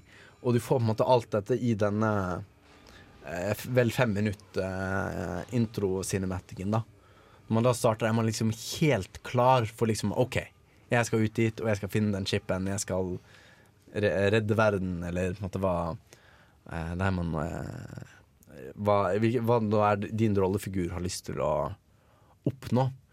Men eh, jeg liker veldig godt den, den kombinasjonen av setting og et mål som slenger deg ut, men ikke gir deg for, eh, for låst. Hvis man sammenligner med f.eks. Fallout 3 Fallout 3 har en fantastisk åpning, åpningssekvens. Altså, eh, også når, når det går utover på en måte, den intro De har vel en intro cinematic med liksom samme War, War Never Changes, og den er jo Mm. fantastisk. Men der, der um, Og på en måte den greien i hvelvet Jeg vet ikke hvor mange som har spilt Fallout 3. Moi. Jeg vet hva det dreier seg om. Ja, Har dessverre ikke gjort det ennå. men du begynner i hvert fall spillet i hvelvet, da. Og på en måte litt sånn eh, som mange spill gjør, litt sånn litt tutorial og litt uh, spill om hverandre. Og det, det, fungerer, det fungerer veldig, veldig bra. Det kan vi kanskje snakke litt mer om, men uh, målet du får, er litt mer lukket. Og når man da går ut i denne verden, så føler jeg meg litt sånn OK, en, en vanlig person ville liksom gått og gjort dette med en gang. Og ville liksom ikke dilly-dallyet rundt og sett sånn oh, hva er oppi der? Og hva, hvem er du? Og på en måte Og det er litt sånn man strengt tatt har lyst til å spille. Man har lyst til å spille litt sånn oh, den så spennende ut. Dit vil jeg gå. Oi, der vil jeg snakke med. Oi, der vil jeg skyte i ansiktet. Sant? Det er ofte det man syns er gøy i sånne rollespill. Men du har et mål som er mer sånn tjo. Hvis jeg ikke gjør dette, så er jeg egentlig litt drittsekk. Uh, mm. Mens i Fallout 1 så har du et mål som er mer sånn OK, du må finne en chip. Hvor er chip? Du må få lete litt rundt deg og utforske og finne folk og møte folk og, og gjøre ting. Så jeg, jeg liker veldig godt det, det målet i en RPG som er litt sånn åpent. Og en, en åpning som setter deg i gang, slenger deg ut og gir deg noe å jobbe mot. Men jeg syns gjør dette til en, en, en veldig veldig god start på et uh, spill. Og virkelig setter deg inn i den, den magiske sirkelen som vi, vi snakket om. Men du, du Bendik, du hadde spilt uh, Fallout 1. Ja. Hva følte du første gang du så eh, den traileren? Eller eh, åpning, eh, åpningsgreia? Vel, uh, det første Fallout-spillet jeg spilte, var Fallout 3, da. Mm. Siden eh, jeg kom ikke inn i det så tidlig. Men uh, altså, det er bare noe med den verden som det Mm. bygger opp, som bare er utrolig fascinerende. Altså, det er liksom Tenker liksom all parodi, eller all liksom ideer man har om 50-tallet, liksom den atombombefrykten og på en måte duck and cover. Altså, bare gjem deg under skrivebordet hvis atombomben kommer, så er du trygg, liksom. Slapp av, det går bra. Og så på en måte hele den verden fullstendig ødelagt. Masse sånn rare science fiction-greier, sånn gammeldagse roboter og masse sånn crazy ting. Så du bare blir veldig Altså, du blir bare veldig satt inn i en sånn utrolig kul verden. Mm. Og så synes jeg også jeg likte den uh, hvor du er barn og sånn, og så skal du ta Du får ta sånn personlighetstester og alt yeah. mulig sånn. Så skal du ta en sånn eksamen som heter The Goat. Ja. Er- Generalized uh, O-aptitude test, et eller annet. Et eller annet Ja, sant noe sånt. Jeg tror- Jeg tror de starta med det Ja. akronymet, og så bare fant jeg på Hva kan vi putte her? G? Ja. Det er liksom, altså, amerikanske forsvaret som kaller ting for sånn eh, sword og sånn. Forkortelse sword. Det er liksom, Oi, for flaks at alle de ordene ble til sword eller shield. Eller. Um, men ja, eh, Fallout 3 er også en, en veldig kul åpning hvor du spiller åpningen istedenfor å på en måte bli fortalt alt. Spiller du det, og du spiller først som barn, og så spiller du på en måte som ungdom, og så eldre. eh, og sånt. Det så mm? det er veldig mye som skjer i åpninga av Fallout 3, egentlig. For du starter liksom som liten unge, og så går du bort til ei bok og leser ei bok, og så i løpet av den tida du tilbringer i det hvelvet, så får du venner, du får uvenner, du får masse gaver, du skyter ting, du gjør liksom alt mulig. Og det er veldig spesielt. Jeg syns det, jeg synes det gjør Fallout unikt, det at du liksom spiller fra bokstavelig talt begynnelsen. Ja. Du starter vel allerede med fødselen din, og da Mm. kan du allerede styre kameraet. På en måte er det som baby som bare OK, hva skjer nå? Hva skjer nå? Ja, fordi altså, Apropos sånn uh, Pokémon, du starter jo på en måte med Are you a boy or are you a girl? I begynnelsen der med din Ja. egen fødsel. Så tror ikke jeg Assassin's Creed også tror jeg du spiller din egen fødsel. Faktisk. Ja, jeg, vet, jeg vet ikke om du spiller den. Du, du ser den i hvert fall. Jeg vet ikke om du skal spille Ja, den. jeg, Nei, men jeg tror det er sånn quicktime-event. er ja, ja, det? er en quick event med deg som barn. Sånn, Ja, ja. trykk på X for å skrike eller et eller annet. Ja. Sånn, For å reagere som et vanlig menneskebarn. Jeg føler quicktime fødsel hadde vært, det hadde vært litt rart igjen. Sånn push, push, push, push. push X to push. Push X to push. Når du fyller en sånn bar sånn Eller sånn motion controls. Bare dra den ut. Ja, det kan være sånn co-op-spill. Sånn, en må sånn dra, den andre må push. En må trykke, en må dra. Potensielt ukomfortabelt spill. Men det kan også eh, måtte bringe deg nærmere eh, Ja. dine venner. ja. En, en sånn intim, eh, intim opplevelse. Mm. Nei, altså Fallout. Tilbake til Fallout. Altså, ingen, ingen, ingen, god, eh, ingen god sending uten fødsel, sier nå jeg. Men uh, tilbake til, til Fallout. Um, så vil jeg på en måte oppsummere litt hvorfor det er en god eh, åpning, og kanskje i kontrast til Ok, I kontrast til Ocarina of Time-åpningen så viser den ikke så mye om hva du kan gjøre. Den viser på en måte bare verdenen. Den viser ikke liksom deg eller noen som deg som gjør ting som du kan tenke Å, det gleder jeg meg til å gjøre. Jeg gleder meg til å holde den pistolen eller eh, kjøre den, det kjøretøyet. Um, så det er noe den ikke gjør. Men den fokuserer på settingen, og jeg vil si på en måte Fallouts store styrke er nettopp eh, denne verdenen som det foregår i. Og det også fokuserer de på i, eh, i åpningen. Så det, det vil jeg si er litt eh, eh, Litt det, det man kan ta derfra om, om gode begynnelser. Spill på styrkene dine, og på en måte framøve det som spillet gjør, gjør spillet skikkelig bra. Og i dette tilfellet så er det settingen. Ja, fordi at jeg føler også det gjenspeiler litt selskapene som står bak. Mm. Nintendo er veldig sånn gameplay først-selskap. Ja. Det skal føles veldig bra å spille, og sånt Og så story, nei, det, da, vi, da lapper vi sammen noe som gir mening. Ja. For å Halvveis i passe sammen med gameplayet som vi har lyst på. Nettopp. De kommer gjerne på spillideer sånn først, og så tenker de oi, hvilke karakterer passer til dette? Er det Mario eller er Link, eller hvem er det? Ja. Mens uh, er det, det er Bethesda som står bak. uh, nei, altså, Nei. dette er Interplay. Og Interplay. Brian Fargo, som er på en måte hovedskaperen. Da. Men og så ble de kjøpt av Bethesda. Mm. Ok, sånn sett. Og så nyeste var, New Vegas var jo Obsidian, Ja, som, som også er- er noe gamle Ja, folk det er liksom de, de som var med å lage en eller toeren, eh, ble Obsidian, da. Mm, men uansett, vi snakker om et uh, vestlig RPG, Ja. og der er det kanskje ikke så interessant å vise sånn uh, At du kan gjøre valg mens du snakker med folk, eller at du kan Ja. eh, Og det blir, det blir Kampsystem, som, eller? ja, Hvordan skal du vise det på en måte i en cinematic? Sånn, Se på denne personen som velger hva han skal si. Du kan også velge hva du skal si. uh, ja, så det Så du må, må fokusere på, på styrkene dine. Og da skal vi få en eh, et, er et, eh, musikk fra Fallout. Dette er uh, hovedthemen fra spillet Fallout 3 uh, med London Filharmoniske Orkester.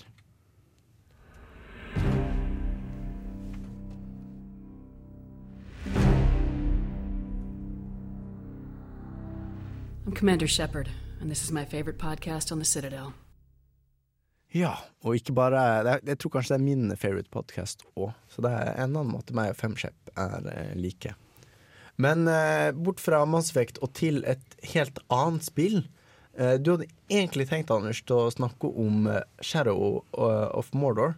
Ja, jeg tenkte egentlig det. Men så ombestemte du deg underveis. Ja, for det var en sånn engasjerende tale helt på starten her. Da tenkte jeg det er ett spill faktisk som jeg kjøpte i sommer, som fikk meg til å føle litt det Andreas satt og snakka om akkurat nå. Den at du bare blir sittende og følge med, og du klarer ikke å legge det helt ifra deg, for du vil bare vite hva det er som skjer videre og sånn. Mm. Og hvilket spill er det? Jo.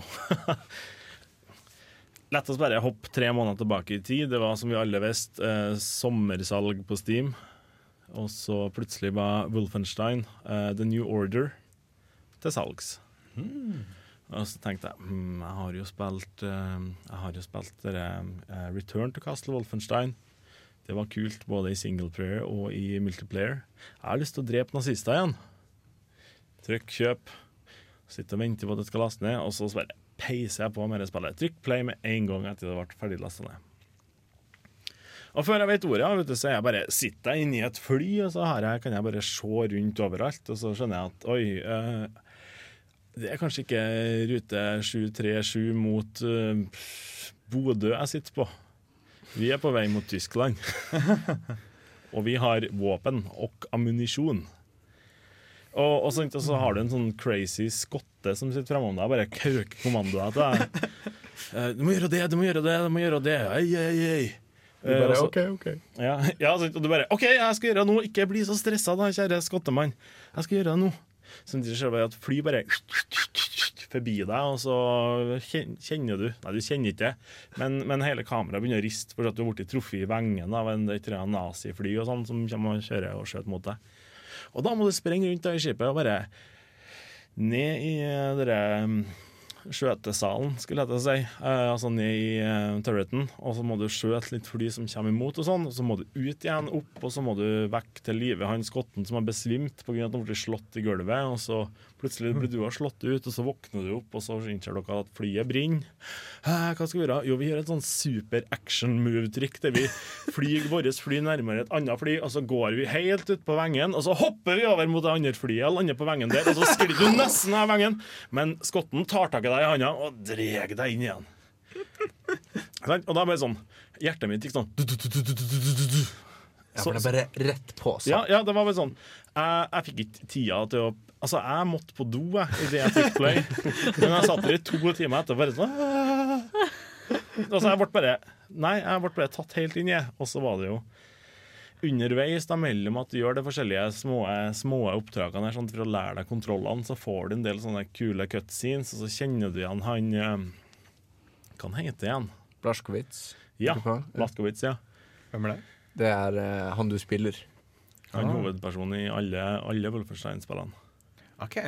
Han har sett noen ting, han. han Kiss in shit, man. uh, så, så ser du han, han er jo litt sånn, litt sånn den, den tause, eh, barske mann. Han er jo det. Uh, men sånn underveis da, så kommer litt mer cutscenes, så du bare føler at du bare kommer nærmere og nærmere innpå han som person.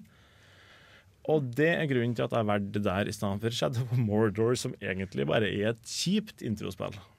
Du, du ville snakke om Shadow of Mordor fordi det var interessant, fordi det var kjipt? Eh, Ja, altså, det, det, var, det er jo litt sånn at du lærer å spille. Eh, Du lærer kontrollene i spillet der òg, uh, underveis i tutorial, som òg introduserer deg til hva det er som foregår. Mm. Og det er jo en sånn klassisk um, Kona di og barnet ditt er blitt drept av orka, nå skal du drepe orka. Så da syns du nazister er kulere? Jeg syns nazister er kulere, spesielt på grunn av altså, uh, Shadow of Mordor, det var sånn, ja, greit. Trykke på den knappen, trykke på den knappen, trykke på den knappen, trykke på den knappen. Ferdig med tutorialen snart, nå vil jeg ut og drepe orka på ordentlig. Ikke på ordentlig, ordentlig, men på ordentlig. Så, så hvis du er ork, vær så snill, ikke send, å- ikke send noe sånn sinte e-mail eller noe sånt. Eller hvis Altså, du Anders- Anders Desikon eller ikke, Ja, så, så, ta det helt med ro. An Anders mener det ikke. Nei, jeg gjør ikke det. Men, men greia med Wolfenstein Det var bare at jeg ble bare sugd helt inni, og så klarte jeg ikke å komme meg ut. Det var som å ta på et strømgjerde. Altså, du, du, du vil egentlig bort, men du får ikke til det. Men det virker som altså, Shadow Mordor og Wolfenstein De gjør nesten det samme, bare at Wolfenstein gjør det liksom komprimert på liksom to minutter istedenfor liksom sånn Ja, liksom ja. Seg, gjør det fortere, og da blir det mye mer engasjerende. Altså, det, det For det er sånn, Trykk på den knappen for å gjøre det. Trykk på den knappen for å gjøre det som du fikk beskjed om å gjøre. Du- du gjør Men det er bare det at det er setningen. Ja, sant? Altså, at, det, at det står en fyr og snakker på alvisk i bakgrunnen mens du springer og slåss mot orka med sverd, det er ikke like kult som at du hører en skotte som bare kauker deg inn i øret fordi du nettopp har besvimt, og nå må du ut og skjøte nazister igjen. Syns jeg, da, personlig. Som Ja. Så du liker skotter bedre enn irer? Er mener? Ja, ja. Nei, altså alver er jo litt mer sånn finskinspirert språket. Så jeg liker, jeg liker skotter bedre enn finner. Ja. Det. Nå begynner vi å bevege oss uh, veldig inn i sånn uh, sketchy territorium her. Ja, jeg vil ta en diskusjon om det her. Tusen, tusen Nei, takk men- for at du drar oss inn i, på rett spor igjen, Benedikt. Men uh, ja, for, ja. Altså, det, men poenget var vel at måte, det, det er gøyere at det går fort enn at det går sakte. Og en, en, en uh, sidekick, hvis det er det vi kan kalle henholdsvis uh, skotten og uh, alven. En mm. sidekick som måte er litt sånn og ikke som er sånn nå skal jeg fortelle deg om hvordan dette er, og bruke veldig lang tid på å forklare Alven er jo litt sånn, alven er jo litt sånn men Ja. skotten er mer sånn Ja, sånn. Hent bøtten med vannet!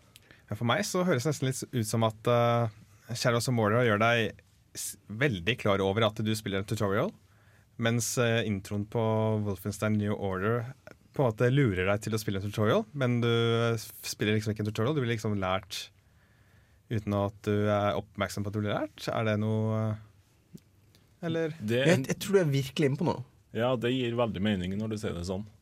For jeg tenkte ikke over det. Altså Etterpå så tenkte jeg ja, det her var kanskje tutorialen her. Mm.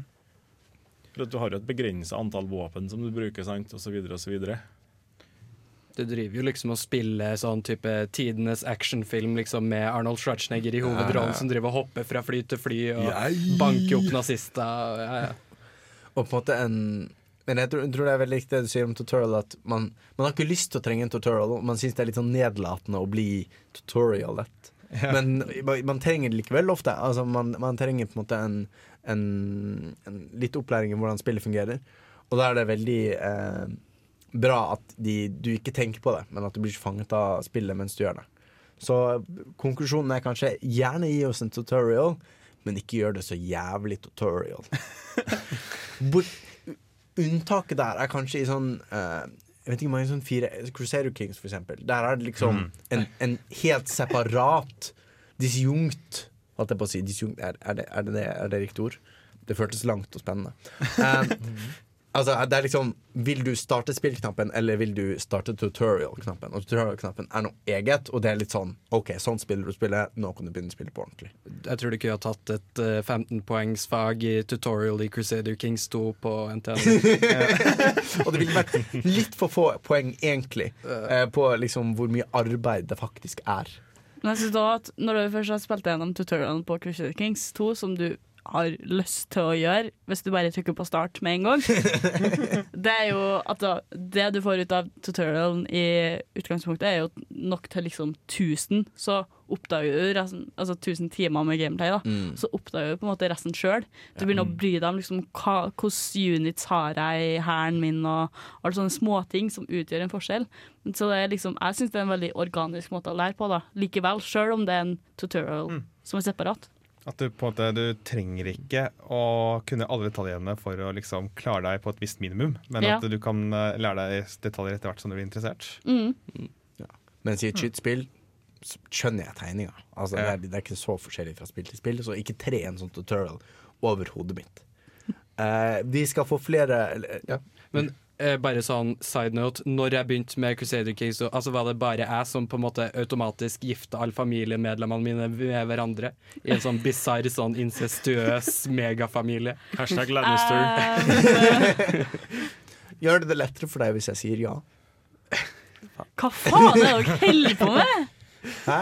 Jeg gifta altså Men jeg skal innrømme at jeg gifta vekk all liksom, arvingene mine med en gang, fordi jeg trodde at Å ja, ja, ja, men uh, om, det, om, jeg, om det er pat patrilineal eller matrilineal, det utgjør ikke forskjell. Sant? Det betyr bare hvem som liksom uh, Hvem som Ja. Ja, men så viste det seg. Ops, jeg har begge mine arvinger er nå konge og arving av jeg vet ikke, Frankrike.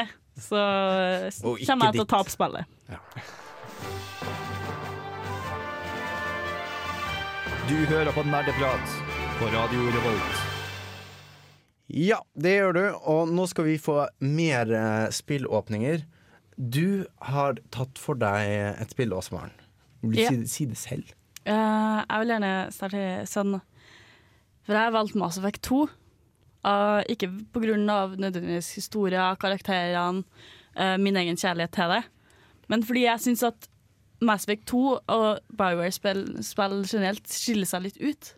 Med at når du starter Mass Effect 2, så kan det virke som at det bare er sånn Ja, her er det som har skjedd. Men dette endrer jo seg på basis av hva du har gjort i første spillet.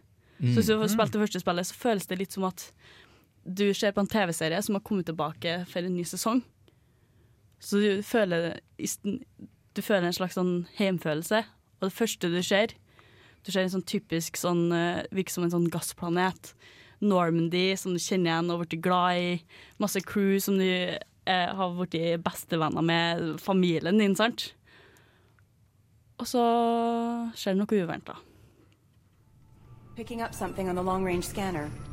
Unidentified vessel. Hmm. Looks like a cruiser. There's no way a Geth ship could possibly. It's not the Geth. Brace for evasive maneuvers! Kinetic barriers down. Multiple hull. Weapons offline. Somebody get that fire out! Shepard! I need you to get the crew onto the evac shuttles. I'll take care of Joker. I won't abandon the Normandy. I can still save her.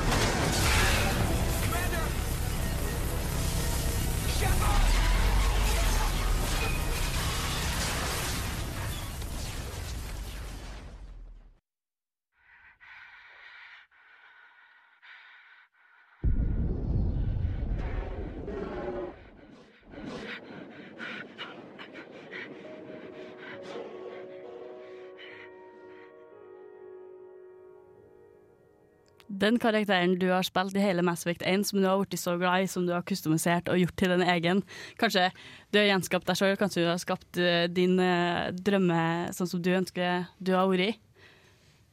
Den karakteren har nå blitt dratt ut av et ødelagt skip og er på vei ned på en isplanet og er tom for luft i drakta si. Og da tenker du Fy faen, for en, å, for en åpning. Hva var det, hva som skjedde nå? Sant? Så er en litt sånn Du blir liksom dratt inn i det med en gang, og så våkner du opp til at noen driver og opererer på deg. Og du kjenner dem liksom ikke helt igjen. Så det blir sånn OK, her er sikkert noen fra The Alliance, som, det er sikkert noen som kommer og redder deg, eller noe sånt. Mm. Men så ble det sånn Nei, nei, nå nå sender inn uh, hva de bruker for å eh, få dem til å sove igjen. Mm, Bedøvelse. Bedøvelse, ja. Sender jeg masse bedøvelse, og så svimmer vi av igjen, så våkner jeg opp til at Hei, du, du, Du må våkne. Du er nødt til å våkne med en gang. Vi blir angrepet. Jeg har tid til å forklare. Du må bare komme med deg nå med en gang. Så da kommer det sånn, du må Med en gang så må du samle utstyret. Du må lære deg kontrollerne og alt sånn. Det er som, det er altså, du har bokstavelig talt liksom stått opp fra de døde. Så du må lære deg, må lære deg å gå, og det går ikke helt uh, på begynnelsen, men du fatter det, og så ser jeg sånn så, hva, hva, er det som foregår? Hvem er dere? Og så sier jeg, Nei, vi er bare så, men vi, er- vi har ikke tid til dette. Og så sa de sånn Vent, du. Sa du nettopp Cerberus? Den terrororganisasjonen fra første spillet som skal vil at mennesker skal være så mye bedre, eller at mennesker er mye bedre enn aliens og skal ta over, eh, ta over universet. Og da blir det litt sånn hva, hva jeg, jeg vet ikke helt om jeg har lyst til å være her. Men utover spillet, det her er noe som Mass Effect gjør veldig bra. For liksom, det er det samme, du kjenner igjen det, samtidig som du blir introdusert til masse nye karakterer. Um, du begynner å krangle med dem som har blitt familien din, fordi de er veldig kjempeuenige, og du skal jobbe med Serbrus. Men så tenker du sånn, nå har Cerberus gitt meg Normandy tilbake, de har gitt meg masse penger, og de har gitt meg sånn, de har gitt meg en mulighet da, til å, til å redde galaksen. For på enden av førstespillet så er det sånn uh, Du innser at det er en uh, kraft som heter Reapers, som kommer og skal ødelegge hele universet. Men det er ingen andre som skjønner det, bortsett fra Cyberus. Så da tenker du Jeg, nesten, jeg, jeg må nesten bare jeg, jeg må sette liksom det å redde galaksen over mine venner, da. Så det er sånn Og hele Mass Effect er på en måte det jeg snakka om med sånn TV-serie. At det virker som en hel sang. Du har liksom hovedpoengene, du har dere sånn klimakset i metta, og så har du de mer personlige historiene. Sånn imell- imellom eh, oppdrag så kan du gå rundt på broa og, og hilse på folk og bli kjent med dem og snakke med dem. Det virker veldig sånn Det virker absolutt som at du på en måte har kommet hjem til en veldig rar hjem. Så det tar Det har endra seg radikalt fra første spillet, men likevel så er det så bra, og det drar deg inn fra første sekund. Uansett om du ikke har spilt det før, eller om du har spilt Mass Effect 1 i timevis. Jeg tenker denne, dette Mass Effect 2 er spesielt spennende fordi den oppfølger. Det har jo ikke måte, noen av de andre spillene vi har tatt opp her, vært uh, Mm. Zelda på en måte, men ikke en så direkte. Oppfølger liksom som Mass Effect 2. nytt- mm, eventyr. Og det, og det er et, et spennende At måtte, det er karakterer du kjenner. Altså, du har det i hvert fall, hvert gøyest i Mass Effect 2 hvis du har spilt Mass Effect 1.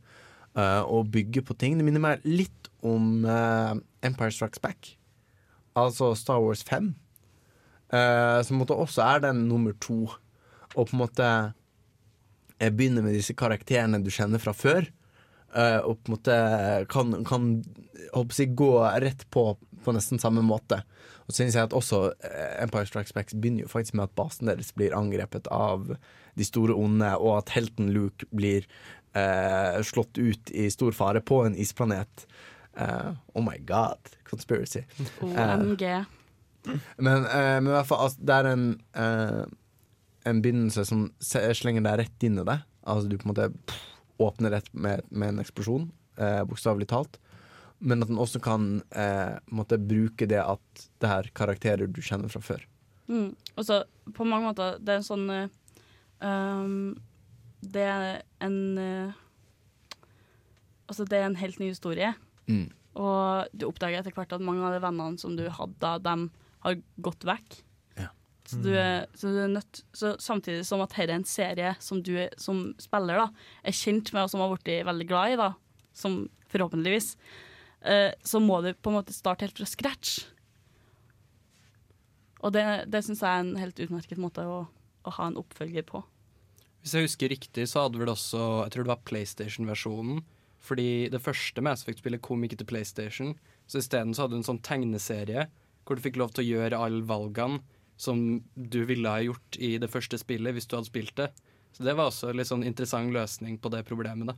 Ja, men dessverre så var det sånn i den tegneserien så var det sånn du kunne kun ta de store valgene. Mens i Mass Effect 1 du har mange små valg som gir deg cameos og ja, masse småting som du som spiller setter veldig pris på.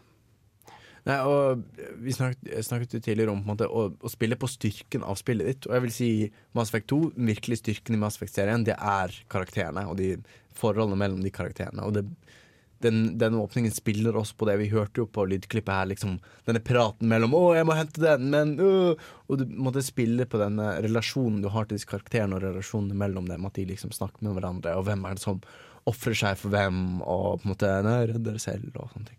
Og på en måte griper deg fordi du har fått en sånn emosjonell tilknytning til det. Jeg merker bare liksom, når jeg hørte musikken, og sånn, jeg blir liksom eh, beveget av det. da Fordi det er en, for det er en serie som er veldig sånn emosjonelt eh, kraftig. Så Det er også en, en, en grunn til at den er en veldig god begynnelse. Og begynnelse på det jeg vil kalle det beste Mass Effect-spillet, faktisk. Enig. Og kanskje også en av de beste spillene noensinne. Min topp fem, i hvert fall. Mm. Er, er det noen er flere som har spilt uh, Mass Effect? Ja, dessverre ikke, men Nei, og takk for at du spoila første spillet for meg, Åse. Hvor spoiler jeg det nå? Du sa at alle dør, og eller, du fortalte meg hva som skjedde. Jeg har, allerede, jeg har egentlig glemt av det nå, så det går bra. Ja, fordi, ja, ja, fordi det, det er noe helt annet som skjer enn det hun sa. Ok. Ja. Ja, mm. Hun eh, liksom sa noe fake. Eh, for, Det er ikke for sånn at, det er ikke sånn at alle dør, men Dere har ødelagt alt for meg! Nei, nei, nei.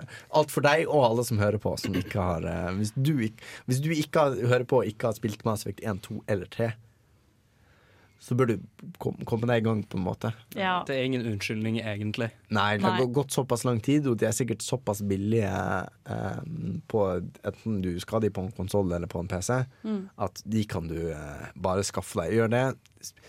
Toeren er best, men begynn med eneren, på en måte, fordi du gjør valg og, og sånt underveis. hmm. Så da var det, fikk jeg en anbefaling fra Andreas. Uh, Ja.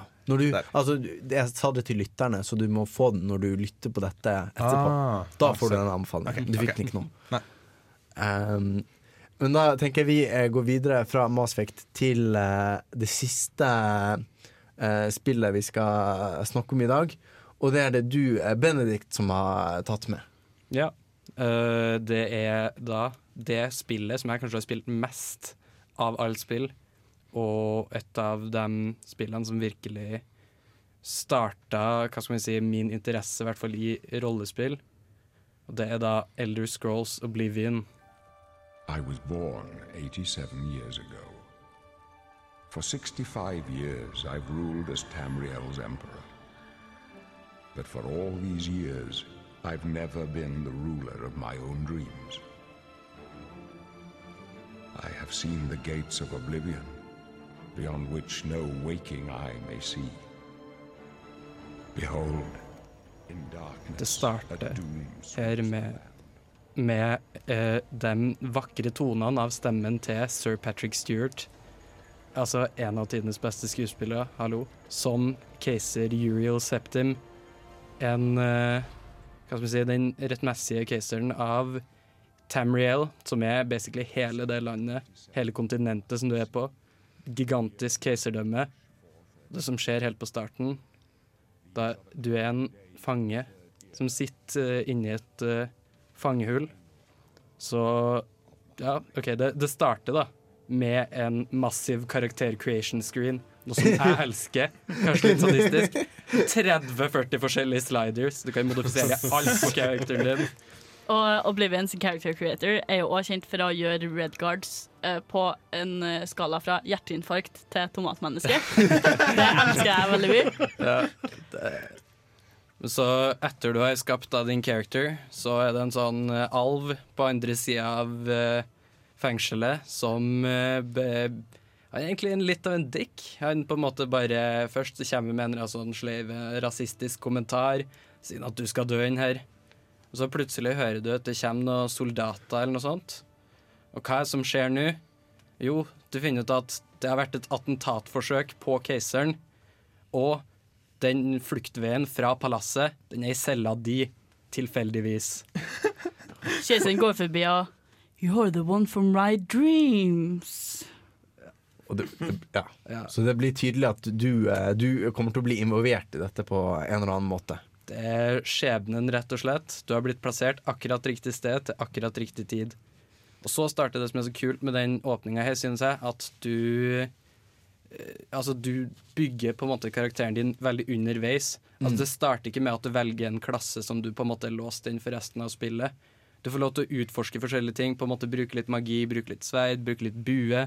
Og så etter hvert så kan du finne ut hva du synes er kult, og etter hvert driver du og velger stjernetegn og alt mulig, bygge opp karakteren din, mens du hele tida på en måte prøver å beskytte han i keiseren da fra de mystiske kultmorderne som prøver å ta livet av han.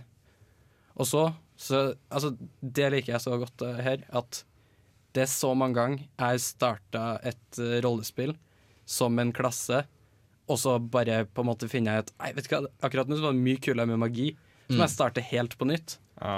Ja, fordi du valgte kriger Ja, i begynnelsen. Ikke sant? Ikke sant? Det er kjedelig. Men i Oblivion så kan du også, altså før Altså når alt det her eh, plottet da, som skjer nedi faktisk i eh, kloakksystemet til hovedstaden Så til slutt så kommer du ut da, av det kloakksystemet, så ser du bokstavelig talt lyset i slutten av tunnelen. Og du på en måte går ut der, og da kan du også endre på absolutt alt du har gjort så langt. Du kan på en måte skifte rasen din og hvordan du ser ut og alt mulig sånn. Så du er ikke låst inn i noen av valgene før du faktisk skal få lov til å på en måte utforske ganske hva spillet egentlig handler om, da. Mm. Og det er også det fantastiske øyeblikket når du går ut av den tunnelen og ser lyset for første gang. Det er et fantastisk øyeblikk. Både i Oblivion og Fallout 3 har du også et sånt Mm. øyeblikk hvor du går ut av hvelvet første gang og ser sollys eh, for første gang i spillet. Og du har liksom gjort en hel sånn tutorial-greie uten å se dagslys, og så endelig poff, sol. Og det er jo helt fantastisk det med i sann elderscrolls-tradisjon at du starter som eh, at du f.eks. er fange, da. For da, start, da kan du bokstavelig talt være hvem som helst. Du kan, du kan ha hvor som helst bakgrunn og alt, sånn du binder deg ikke til noe. Mm. Og det er, som en sånn, det er en veldig smart måte å starte et spill på. Bare hvem er du? Sånn. Du har aldri forklart hva du har gjort, eller hvordan du har havna der. Altså det, det er på en måte med en gang så sier caseren det at jeg vet ikke hva du har gjort som gjør at du havna her. Det er liksom skjebnen, hva du gjorde før nå.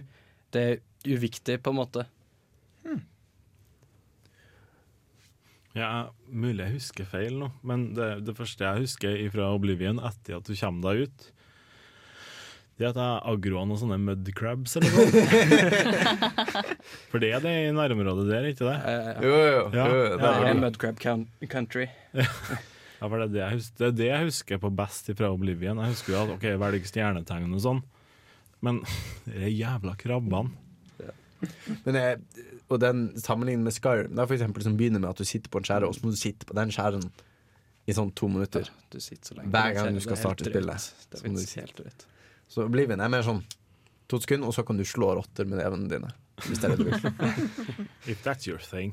ja, altså noen, noen liker fisting. Og. Andreas.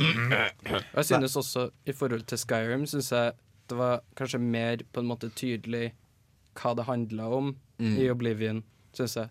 Og du Jeg føler Skyrim kanskje går litt av på en måte hovedplottet sitt med at det også er en sånn borgerkrig som foregår, og så blir du på en måte mer blanda inn i det, synes jeg, i starten, Ja. enn hele den greia med dragene, som jeg synes er kanskje den mer spennende tingen, da. Og mer sånn, Mm. kanskje ikke politikken nødvendigvis. Ja, og kanskje det på en måte hvis landet ditt blir angrepet av drager, så kan du kanskje sånn tenke sånn OK, da tar vi oss sammen litt, eh, dropper denne borgerkrigen i sånn to minutter og fikser denne dragetingen først. Liksom, sånn at det er liksom nå borgerkrig er over.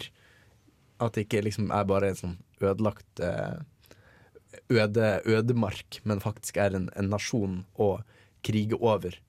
Men det er eh, Så Oblivion gir deg på en måte valgmuligheter og frihet med en gang, og det er på en måte det som virkelig er morsomt med Elderscrolls-spillene. Så her ser vi også en åpning som klarer å, å spille på styrkene til eh, spillet sitt, nemlig å, friheten. Eh, og det er også i åpningen. Og så apropos det med Ocrania of Time, og bare hvor stort er det spillet her? Altså Det har du jo Oblivion nå, da. Du på en Mm. måte går inn i det verdenskartet, og så er det bare massevis av byer og alt mulig. Bare tenker shit, jeg kan dra til alle disse stedene. Og Det, var, det, tror jeg faktisk det, noe av det gøyeste spillet å starte første gang. Og Har vært eh, ja, ja. Oblivion. Sånn, Den følelsen av wow, Mm. hele den store verden.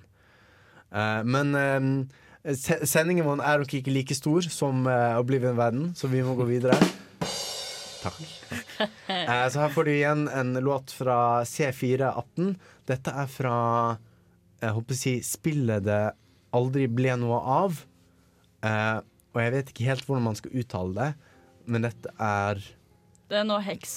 Ja, det er noe heksgreier. Ja, det er- 0x10C. Dette er Bare Egil. Det blir mer drittmusikk etter dette. Ja, og det blir eh, drittmusikk fordi nå er eh, tematimen, eller tem temaperioden Det er jo ikke helt nøyaktig en time. Eh, temadelen av programmet er over. Programmet er egentlig stort sett over. Så nå blir det vanlig musikk og ikke eh, spillmusikk valgt av oss etter dette. Så bare Egil har helt rett. Eh, dette er nemlig eh, Vi er nemlig ferdig med denne sendingen, stort sett. Eh, vi har snakket om uh, nyheter som har skjedd i, i spillverdenen. Vi har snakket om uh, hvordan vi presser spill inn i uh, semesterdagen vår. Og vi har eh, snakket om hvordan spill griper oss fra eh, første sekund. Eh, og nå, eh, nå er det liksom for liten tid til å begynne på noe nytt. Men for mye tid til at jeg kan holde en vokal ut hele sånn lang avskjedstale. Bare Ja, men jeg, jeg, synes, jeg synes faktisk det er eh, vanskelig å si farvel, kjære lyttere. Og ikke fordi jeg er eh, eh, emosjonell av meg, men fordi det er teknisk vanskelig å måte vite hva jeg skal si i denne to minutters eh, eh, intervallet. Men om en uke, fordi det, det er ikke adjø, som man sier når det er siste gang. Dette er bare ha det bra. Fordi om en uke så er vi så heldige å ha deg som programleder, Torben. Forhåpentligvis. Ja, hvis uh, det ikke krasjer med forelesning. Ja, Hvis stjernene eh, tillater det, så blir det Torben eh, som er programleder neste gang. Og hva skal vi snakke om da? Jeg lurer på, jeg har sett litt på kalenderen, og jeg ser at uh, det er en viss spillutgivelse som nærmer seg. Nemlig Metal Gear Solid 5, er det? Phantom Pain, hvis jeg husker riktig. Og det er en ganske big deal. Ja, 1. september kommer den ut, kommer den ut, så kanskje jeg skulle tatt et blikk tilbake. Kanskje jeg skulle lært meg noe om denne spilleserien. Fordi jeg kan ingenting om den. Kanskje jeg skulle faktisk spilt Metal Gear Solid. Kanskje. Kanskje. Fordi det, hvis Chris hadde vært eh, her i studio, eh, så hadde han sagt, eh, sagt ikke bare til meg, men til deg, kjære lytter, at du må spille Metal Gear Solid. Eh, så eh, neste gang eh, får du eh, en Metal Gear Solid spesial. Eh, men fram til da så har jeg vært eh, Andreas Dørum. Jeg har, på, bak teknikerpulten så har Torben Dahl sittet og rota. Anders. Benedikt. Og er. Vi eh, snakkes eh, neste gang. Her eh, får du eh, vår siste låt for dagen. Dette er eh, Beachheads med Get Away. Her på Radio Revolt. Studentradioen i Trondheim.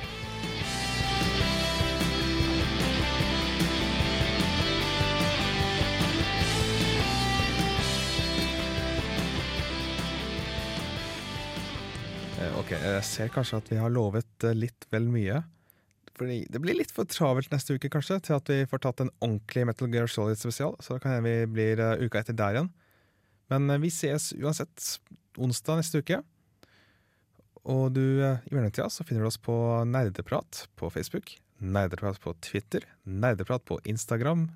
Du begynner kanskje å ane et mønster her. Nerdeprat på Google Pluss, faktisk.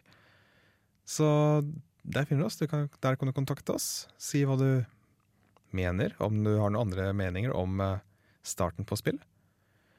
Og ellers, hvis du har lyst til å hjelpe oss med å spre det glade gamingbudskap til enda flere, så må du veldig gjerne legge inn en anmeldelse på iTunes.